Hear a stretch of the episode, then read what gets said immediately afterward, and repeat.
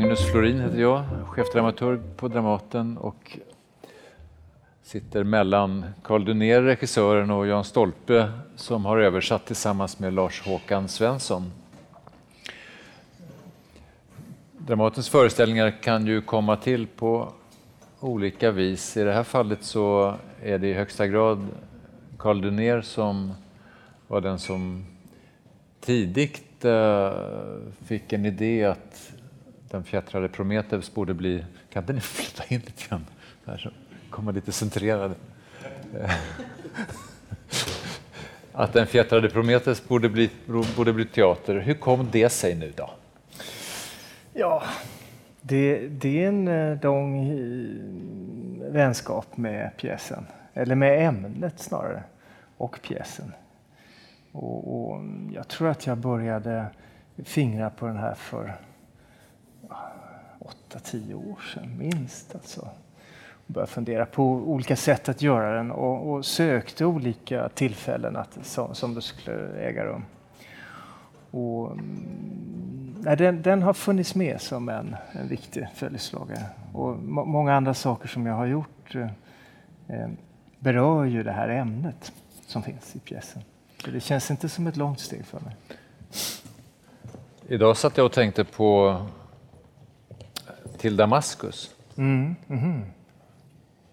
Som uh, ju är en sorts Promet där den okände är en sorts Prometheusgestalt som uh, förklarar att högmodet är den sista resten av vårt gudomliga ursprung och som inte vill låta sig böjas av gudarna. Mm. Beck, din Beckett-uppsättning i Väntan på Godot mm. finns med här ja. i starten. Mm. Uh, Kung Ubu, ja. Som också uh, Alfred Jarry, absurdistpionjären, som mm. också skrev om den fjättrade Ubu. Det finns en liten tråd mm, här. Det det.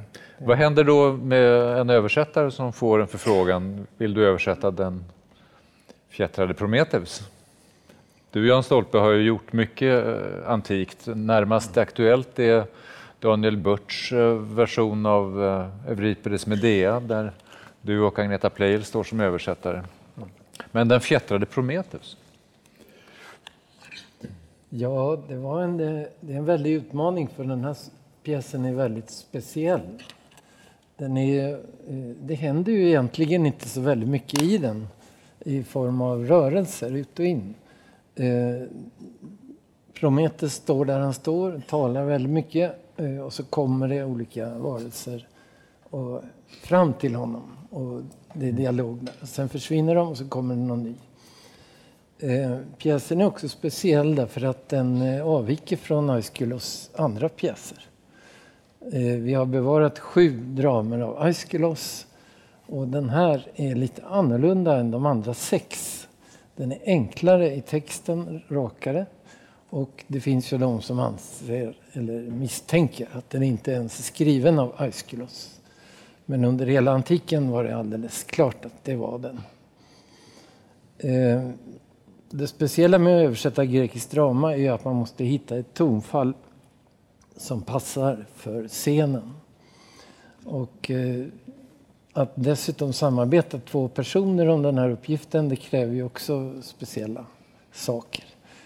Man kan inte tussa ihop två personer vilka som helst, utan det måste vara två som är väldigt samspelta, som känner varandra väldigt bra. Och eh, man får för det andra inte eh, förhandla om de enskilda replikerna så att den ena personen får välja sin lösning på ett ställe och den andra sin på ett annat. Man måste bestämma vem som har sista ordet. Det måste ju hänga ihop alltihopa. I vårt fall så har det gått till så att jag har eh, först gjort en eh, översättning så ordagrann jag kan, rad för rad. Men försökt hitta pregnanta formuleringar naturligtvis, men inte brytt mig så mycket om versen. Och sen har jag lämnat över det till min gode vän Lars-Håkan Svensson som jag tidigare har samarbetat med. Han är själv eh, minst lika kunnig i grekiska som jag. Men han är dessutom poet själv och har eh, tolkat mycket lyrik från olika språk. Har en väldig träning på att skriva vers. Och eh, jag har alltså skickat mina texter till honom tillsammans med scheman över versmåtten. Och sen har han fått versifiera och utforma det hela eh, mera definitivt. Och så har han skickat det tillbaka till mig. Och så har jag gått igenom det på nytt och så har vi hållit på så där och bollat. Så går det till. Men Och- eh, utmaningen är just att hitta ett tonfall som fungerar. Och när du säger versmått så då går vi rakt in i någonting otroligt komplicerat tycker jag själv. Utifrån att vi talar ju om versmått i termer av betoning, växling mellan betonade och obetonade varelser. Padam, padam, padam till exempel. Men hos de gamla grekerna handlar det om stavelselängd Ja. som på ett visst sätt är förbundet med betoningar men inte Nej, helt och inte- hållet. Nej, just det. Så Ja, det är, Det- är en mycket svår uppgift på det sättet. Det går inte att efterlikna deras sätt att eh, tala helt enkelt. Eh, men man, eh, det är liksom en konvention att man flyttar över det till vårt accentbetonade verssystem. Och det är inte så svårt när det gäller talversen. Där är det sex jamber i en vanlig rad. Och det är ganska enkelt att skriva på det sättet på svenska. Rim förekommer inte i antik grekisk litteratur överhuvudtaget, så det behöver man inte fundera på. Det som är krångligt är ju körsångerna, för de är skrivna på väldigt invecklade versmått. Och där det finns stor frihet att variera från rad till rad.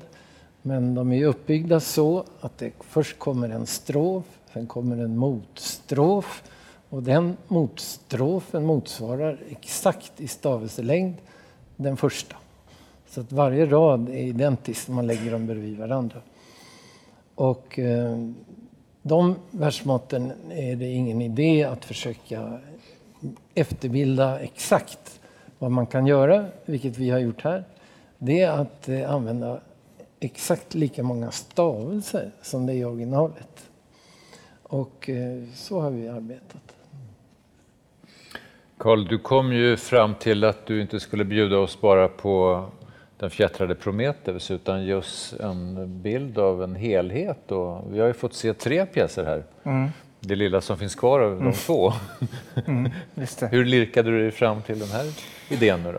Ja, det, var, det uppstod ju i arbetet tidigt med det när, när jag läste alla de små fragment som finns av alla pjäserna i en utgåva, en engelsk utgåva som finns samlat och eh, blev väldigt fascinerad av de här små stavelserna man, som man då har hittat i, på, på olika sätt. Bland annat i det som nämns i pjäsen utanför, eller i den här lilla byn Oxyrynkos i Egypten. Man hittat på en soptipp som hon säger i pjäsen. Och eh, jag kände så starkt förlusten av de här pjäserna som en, en viktig del. Att ta med förlusten av en berättelse. Tomheten som finns i, i förlusten helt enkelt som en, som en viktig del i berättelsen. Sen kommer det sig också utav att pjäsens... Ja, Jan har pratat ofta om detta hur, hur eh, den är så otroligt aggressiv, alltså själva pjäsen. Fjättrad är så, så. Det finns ju knappast någon, som du har sagt Jan, alltså, det finns knappast någon antik pjäs som är så oförsonlig som just den här pjäsen. Den riktar sig med sån enorm kraft mot etablissemang och mot gudar och mot ja, i stort sett allt styrande i tillvaron. Och hur kommer det sig att han vågade skriva detta va? överhuvudtaget? Hur kommer det sig att den, den, eh, att, att den vågade framföras, att den inte tolkades symboliskt eller så? Eh, Med och blev censurerad.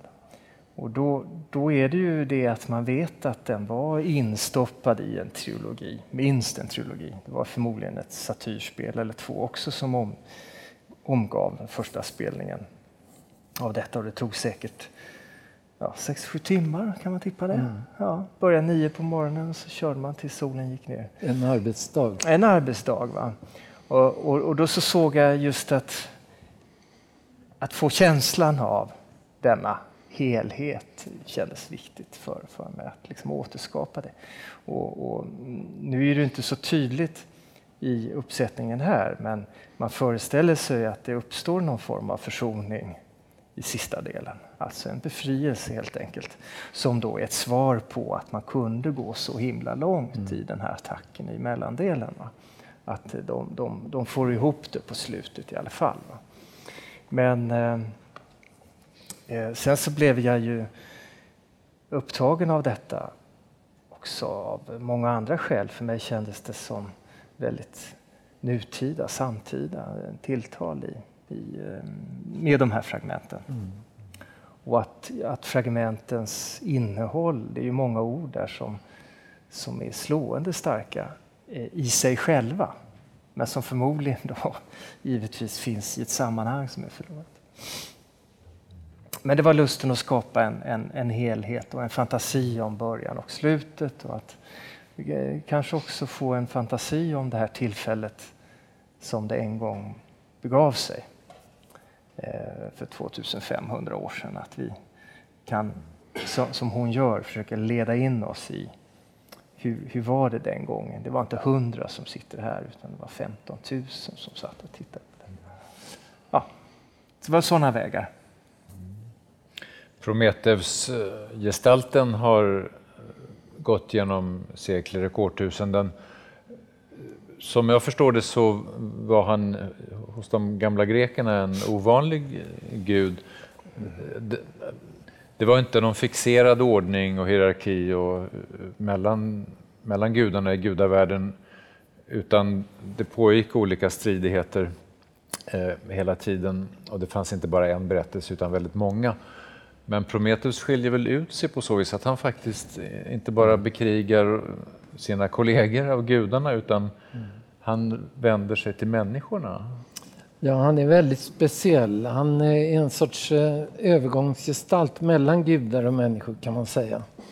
Eh, det framgick här på slutet av föreställningen att han tilltalar titaner som sina bröder. Alltså, den vanliga ordningen är ju att först härskar en grupp gudaväsen som kallas för titaner.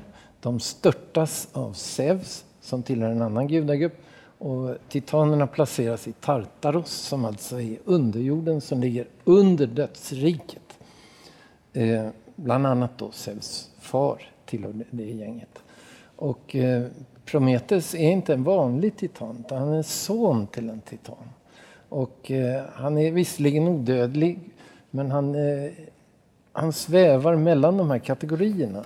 Han är inte titan, inte vanlig eh, olympisk gud och inte människa, utan rör sig mellan de här grupperna. Och, eh, de grekiska myterna är ju inte fastlåsta berättelser exakt, utan de är teman som varierar ständigt och rör på sig. Och eh, Prometheus-gestalten finns, i historien om Prometheus finns i två versioner kan man säga. Den ena är den som vi har hört här, att han är oerhört fientlig mot eh, Zeus, att han gynnar mänskligheten på tusen olika sätt, ger dem alla civilisatoriska förmågor, hjälper dem att bygga upp ett eh, ordentligt samhälle efter att de tidigare har levt i underjorden som myror, som det heter i pjäsen.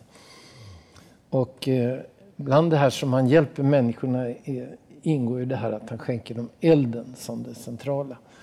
Men det finns en äldre berättelse om Prometheus som inte riktigt är sån, utan där är han mera en, eh, ska man säga, en trickster, en lurifax som lurar, eh, eh, har hittat på knep.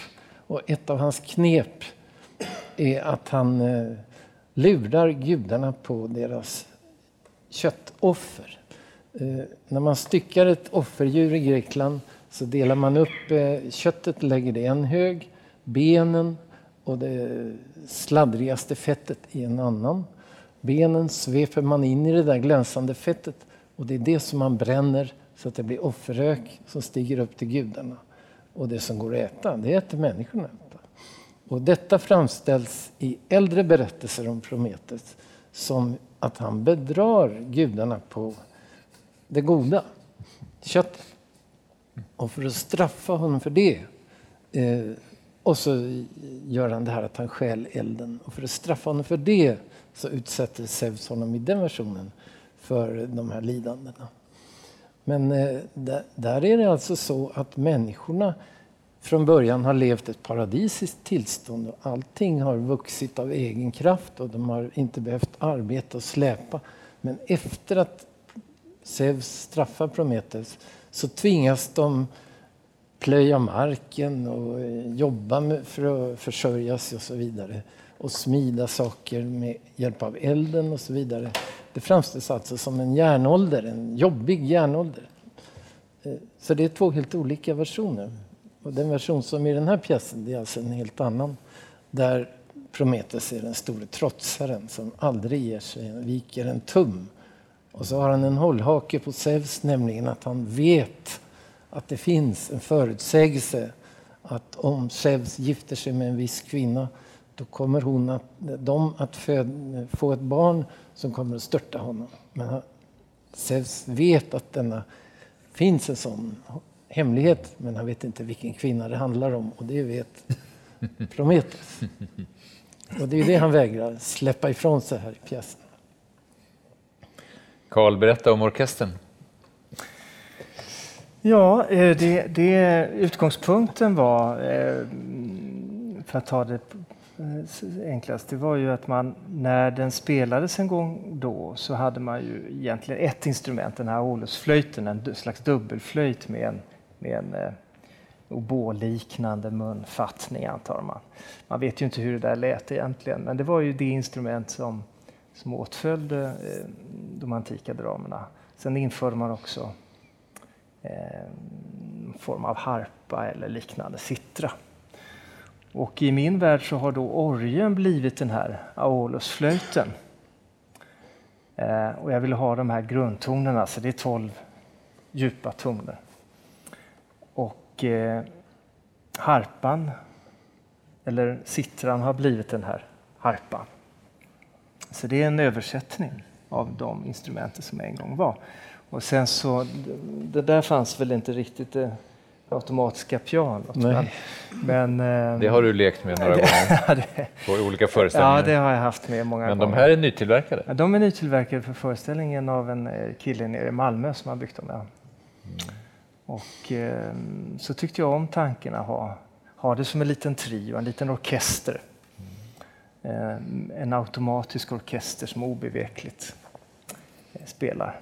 Hur kom du fram till detta snillrika att hälla ner Aeschylus i Schuberts visor? Ja, det, det, det svaret är, det finns ett krångligt och ett enkelt svar. Det, det, det enkla svaret först då, det är ju att jag kände det, den möjligheten.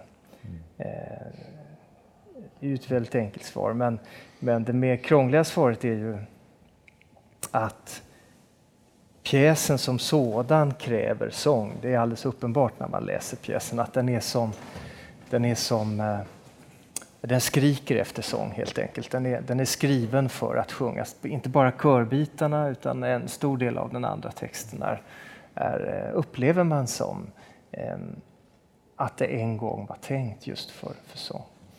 Eh, och i den vevan så eller med den tanken så sökte jag mig olika vägar för att hitta en, en, eh, möjlig mots, alltså ett, ett, material att använda. Och att jag valde just Schubert eh, har delvis då att göra med att det är eh, en läsning av pjäsen. Ni ser också i kostymerna så finns det en antydan till 1800-tals kostymer. Jag vet inte om man tänker på det. Ja. Men i vilket fall så finns det, eh, när man sysslar med själva myten och pjäsen och Aeschylus och grekerna överhuvud så hamnar man i 1800-talet. Mm. Av det enkla skäl att det var under 1800-talet som man återuppväckte de här pjäserna och eh, man, man förhöll sig till dem. 1800-talets eh, stora idéer om eh, striden mellan det kollektiva och individen var liksom ett tema över hundra år där. Och Prometheusgestalten inte minst var ju den pjäs som man läste och förhöll sig till. Så att alla, i stort sett alla eh, framträdande gestalter under 1800-talet har skrivit om det, alltså Nietzsche, Goethe, Shelley etc.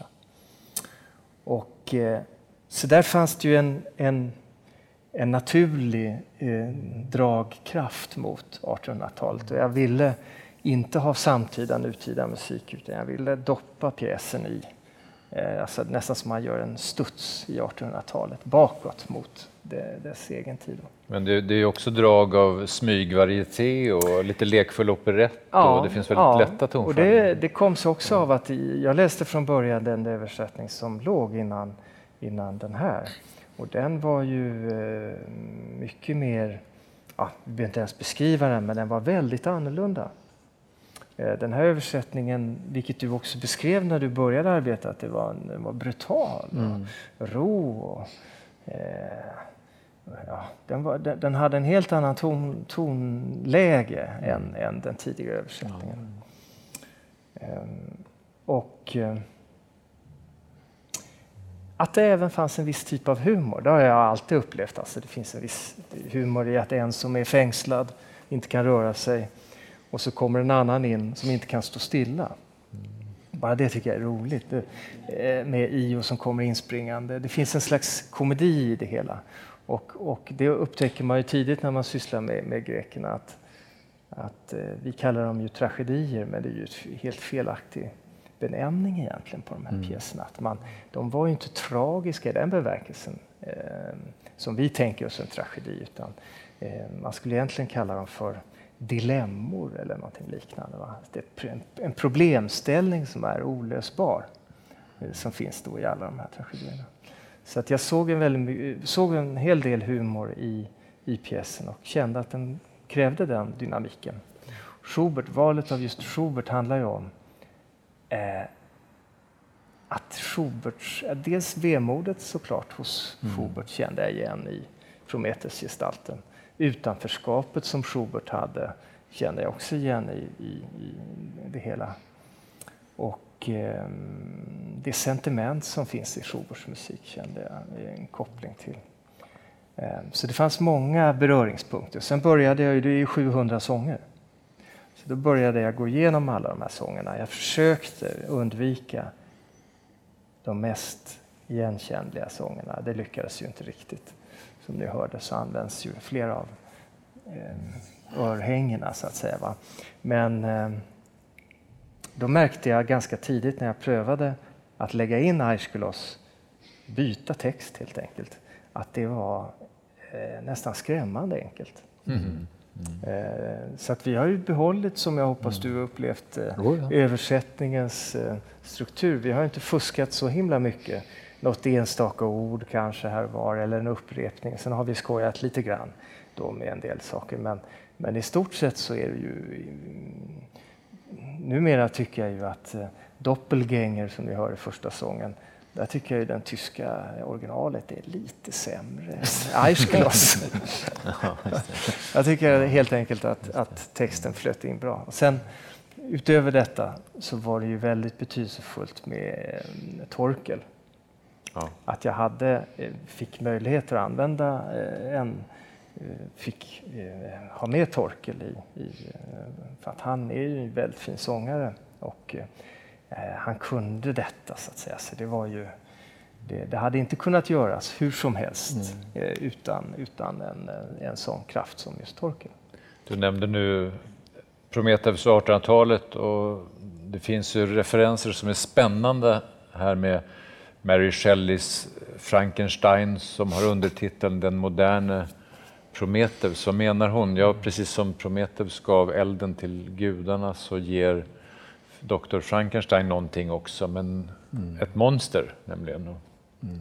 Sen har Prometheus varit idealitetens stora förgrundsfigur, idealen som står mot den låga verkligheten, men också ju varit inom socialismens idétradition. Mm. Den, alltså det är ju Prometheus är ju, är ju Lenin och Mao och Che Guevara. Och ja. det är schatteringarna i, i den traditionen, Jan? Ja, det finns ju väldigt mycket att bygga på i den här Prometheus-gestalten och det har verkligen utnyttjats genom i varje fall två sekler. Eh, men eh, ännu tidigare än så, redan på medeltiden använde man Prometheus-gestalter. Men det som vi känner mest det är det från romantiken. Alltså med eh, just Mary Shelley och hennes man Shelley som skrev det stora versdramat Den befriade Prometheus. Och sen också Goethe som skrev ett stort Prometheus-drama som han aldrig riktigt fullbordade men som ändå är intressant. Och där är, han gjorde ju två dramer. Ett eh, om Prometheus som alltså är den som vägrar underordna sig gudarna och ett om Ganymedes, alltså gudarnas munskänk som är en människa som lyfts upp till gudarna och får jobba åt Zeus, vara hans eh, tjänare. Och en som underordnar sig. Och de står mot varandra de här två på ett ganska spännande sätt. Sen eh, finns Prometheus-gestalten vidare fram igenom på många, många ställen. Inte minst hos Viktor Rydberg här i Sverige, en väldigt viktig gestalt. Ofta är det just en frihetskämpe, men sen är han ju också förknippad med Kristus förstås. Det är ju slående. En som står fjättrad sådär. När jag såg Prometheus i Berlin häromåret så stod en man, skådespelare, uppe på en hylla med armarna så här. Hela pjäsen talade på det viset. Hos Viktor Rydberg blir han väl just en Kristusgestalt ja. mot, mot då den judiska ja. skomakaren från Jerusalem, Ahasverus, och, som underordnar sig medan Prometheus ja, står precis. upp. Ja. Men eh, för mig var det ju väldigt överraskande med det här Schubert-inslaget. Eh, det vanliga när man översätter grekiska dramer och ska se dem uppförda det är ju att regissörerna stryker väldigt mycket i körsångerna. Och eh, ibland eh, läser upp dem bara som talkörer eller korta fragment. Men här är det ju inte bara körsången utan även talpartier som är, sjungs och på ett väldigt spännande sätt. Så jag tycker det var väldigt roligt att se det här greppet. Att det funkar fantastiskt bra. Det, det hänger ju inte minst ihop med att jag var ju road, eh, eller slagen av att den ju inte hade framförts tidigare. Pjäsen har inte spelats på svenska annat än en gång av en eh, fri grupp på 70-talet. Så det ligger lite grann mm. som ett ansvar då. Alltså en sak om man gör Hamlet eller någonting annat, då kan man ju i stort sett stryka vad som helst. Det finns i vår, vårt mm. omlopp på något sätt. Hamlet-monologen finns i omloppet, men den här pjäsen finns inte på det sättet. Den är inte framför. Så det kändes också som ett ansvar att, mm. att ha med alla de här Eh, pjäsen har 1080 rader och säkert 400 av dem är ju geografi. Ja. Mm. Sen åker du dit och då träffar du dem och sen, eh, normalt sett så skulle man kunna säga stryka 400 rader och säga att ja, du kommer få väldiga problem. Men sen kommer du fram till Egypten och då ordnar det sig. Det, det, det är den normala gången. Va? Men jag, jag var väldigt road av eh, flykten som finns i, i pjäsen och geografin. Va? Det är en massa ortnamn som nämns Enormt. i pjäsen som var exotiska även för grekerna. Ja. De hade mycket vaga uppfattningar om var de här platserna mm. låg. Mm. Och man kände det när, när beslutet, beslutet var, var, tidigt att det här ska inte strykas utan mm. tvärtom så ska vi eh, ta fram de här. Alltså, geografin är ett viktigt mm. ämne. Och eh, eh, det är klart att musiken hjälper ju till ja, eh, att hålla det, hålla det uppe så att säga. Va? Så är Carl, ska vi till sist uh, fråga dig om just din Prometheus-gestalt. Han är ju en, han är ju en hjälte som vi kan tycka om, men han är också en så som avantgardistisk rebell så finns alltid det där att det kan tippa över och mm. bli, dra åt fundamentalism och för mycket bara. Mm. Och det där tycker jag, jag tror att du har intresserat sig, dig för den där glidningen. Ja. Hur ser ja. din Prometheus ut? Ja, det, det, den, det började ju med när, när um, jag fick översättning så stod det såklart där att han, när han får frågan vad har du gjort så, så börjar han inte säga att jo, jag gav människorna elden, utan han håller en fem sidor lång monolog. Liksom. Och jag gav dem det. Och sen gav jag dem det. Mm. Så det finns en slags högfärd i gestalten. Mm. Eh, och eh, den lättaste associationen till Prometheus-figuren, det är som vi nämnde då med, eller som ni nämnde då med Jesus och det är med Che Guevara eller de här, den typen av goda motståndsmän som vi räknar idag. Men det är lika mycket fundamentalisten, mm. alltså den som tror sig ha rätt. På vilka grunder tror du att det var rätt? Mm. Eh, den som, vilket ju tyvärr ständigt blir aktuellt, den som går i döden för Mm. sin övertygelse, mot allt förnuft. Vi tycker nog att Hermes resonerar klokt, säger kören. Besinna dig. Så det finns ett, ett, för mig ett intressant stråk i det hela, att det inte bara är en okomplicerad hjälte, utan det finns en, en ja, det funda, fundamentalistens eh, psyke finns i honom också. Alltså den som i olika bemärkelser ställer sig utanför samtiden eller utanför eh, konsensus. Av olika skäl. Goda eller onda. Boken finns att köpa i bokhandeln. Pjäsen finns att köpa i bokhandeln. Ja. Gör så. Är det någon fråga som... Nej, jag tycker att eh, nu, nu stannar vi det här samtalet och sen så passa på att stanna kvar och Ja. ställ någon fråga till Karl eller Jan. Så här ute kanske. Tack ska ni ha.